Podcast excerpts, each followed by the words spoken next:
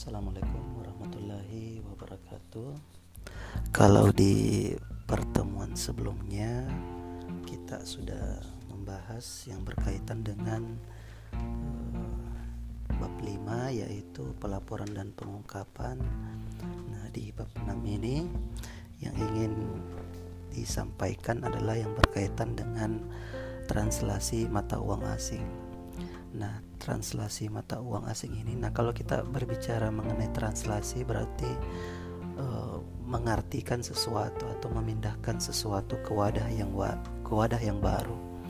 Nah, mata uang asing ini juga berlaku di dalam laporan keuangan sehingga proses translasinya mesti disesuaikan dengan kalau kita berbicara mengenai konsolidasi antara induk dan anak perusahaan berarti ketika induk perusahaan ada di negara yang lain sedangkan anak perusahaan ada di negara yang lain sudah pasti terjadi translasi mata uang asing yang harus disesuaikan dengan kondisi yang ada di dalam laporan keuangan. Nah, proses translasi mata uang asing ini di dalam ekonomi dapat mengakibatkan yang namanya economic exposure. Nah, apa itu economic exposure? Nah, ini adalah potensi risiko ekonomi.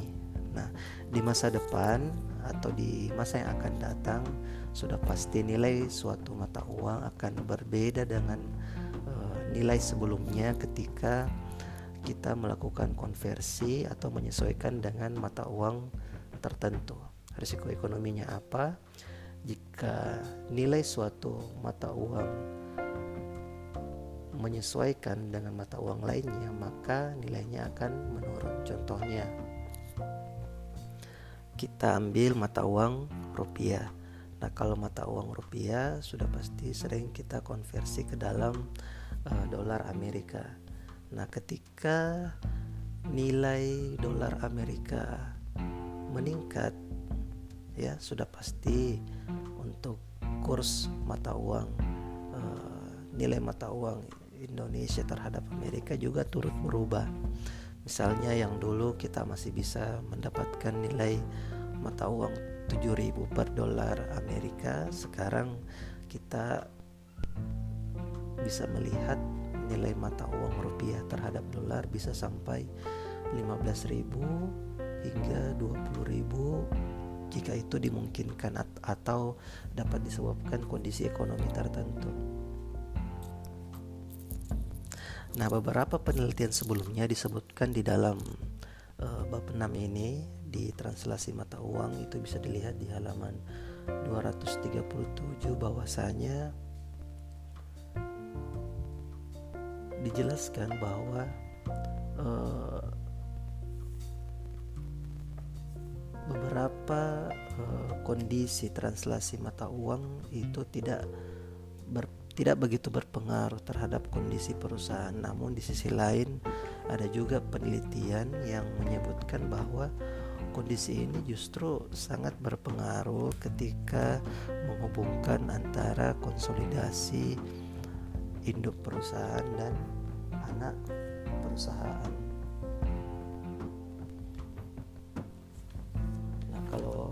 Pembahasan selanjutnya di halaman 237 di situ dikatakan bahwa adanya hubungan yang agak tertunda, antara perubahan nilai mata uang dan pengembalian saham.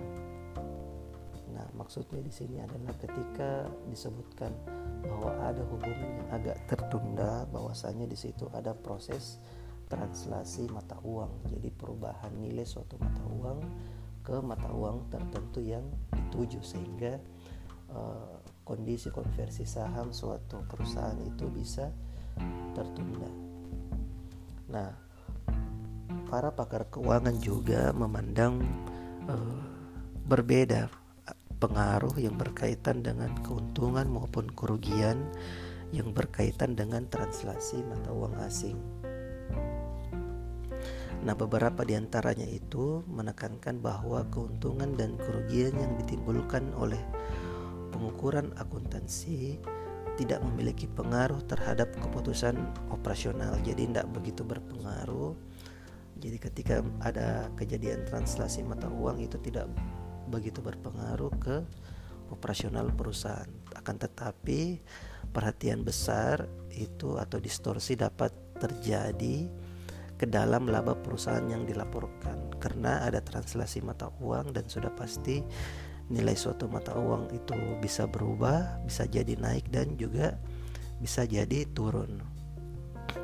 Nah, inilah yang uh, menyebabkan apabila laporan keuangan anak perusahaan luar negeri yang berdenominasi atau bernilai dalam mata uang asing ini disajikan ulang dengan mata uang pelaporan induk perusahaan.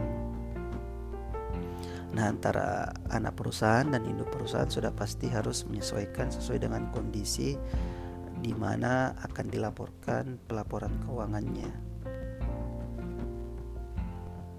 Nah, proses penyajian ulang informasi keuangan ini jadi ketika akan dilakukan penyajian laporan keuangan di induk perusahaan atau anak perusahaan, maka proses penyajian informasi laporan keuangan itu dan terjadinya konversi mata uang satu ke mata uang lainnya itulah yang disebut sebagai translasi bisa mendatangkan keuntungan maupun kerugian bagi perusahaan. Nah, untuk keperluan akuntansi, suatu aktiva dan kewajiban mata uang asing ini dikatakan menghadapi risiko mata uang jika suatu perubahan kurs nilai tukar mata uang menyebabkan mata uang induk perusahaan atau pelaporannya itu juga berubah.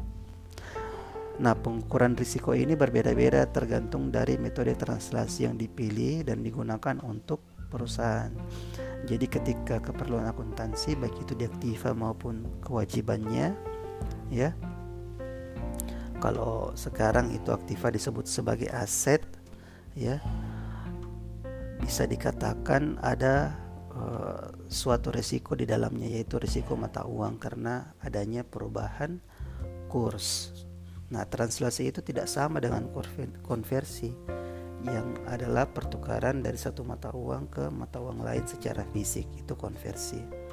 Nah, kalau translasi adalah penyajian informasi yang berkaitan dengan informasi e, laporan keuangan.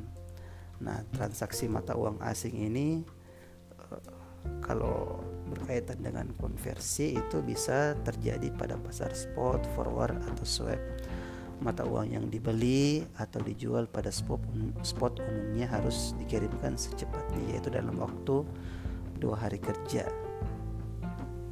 Jadi misalnya kalau orang dari Indonesia mau berangkat ke luar negeri dapat membeli dan segera menerima uh, uang dolarnya untuk digunakan di luar negeri.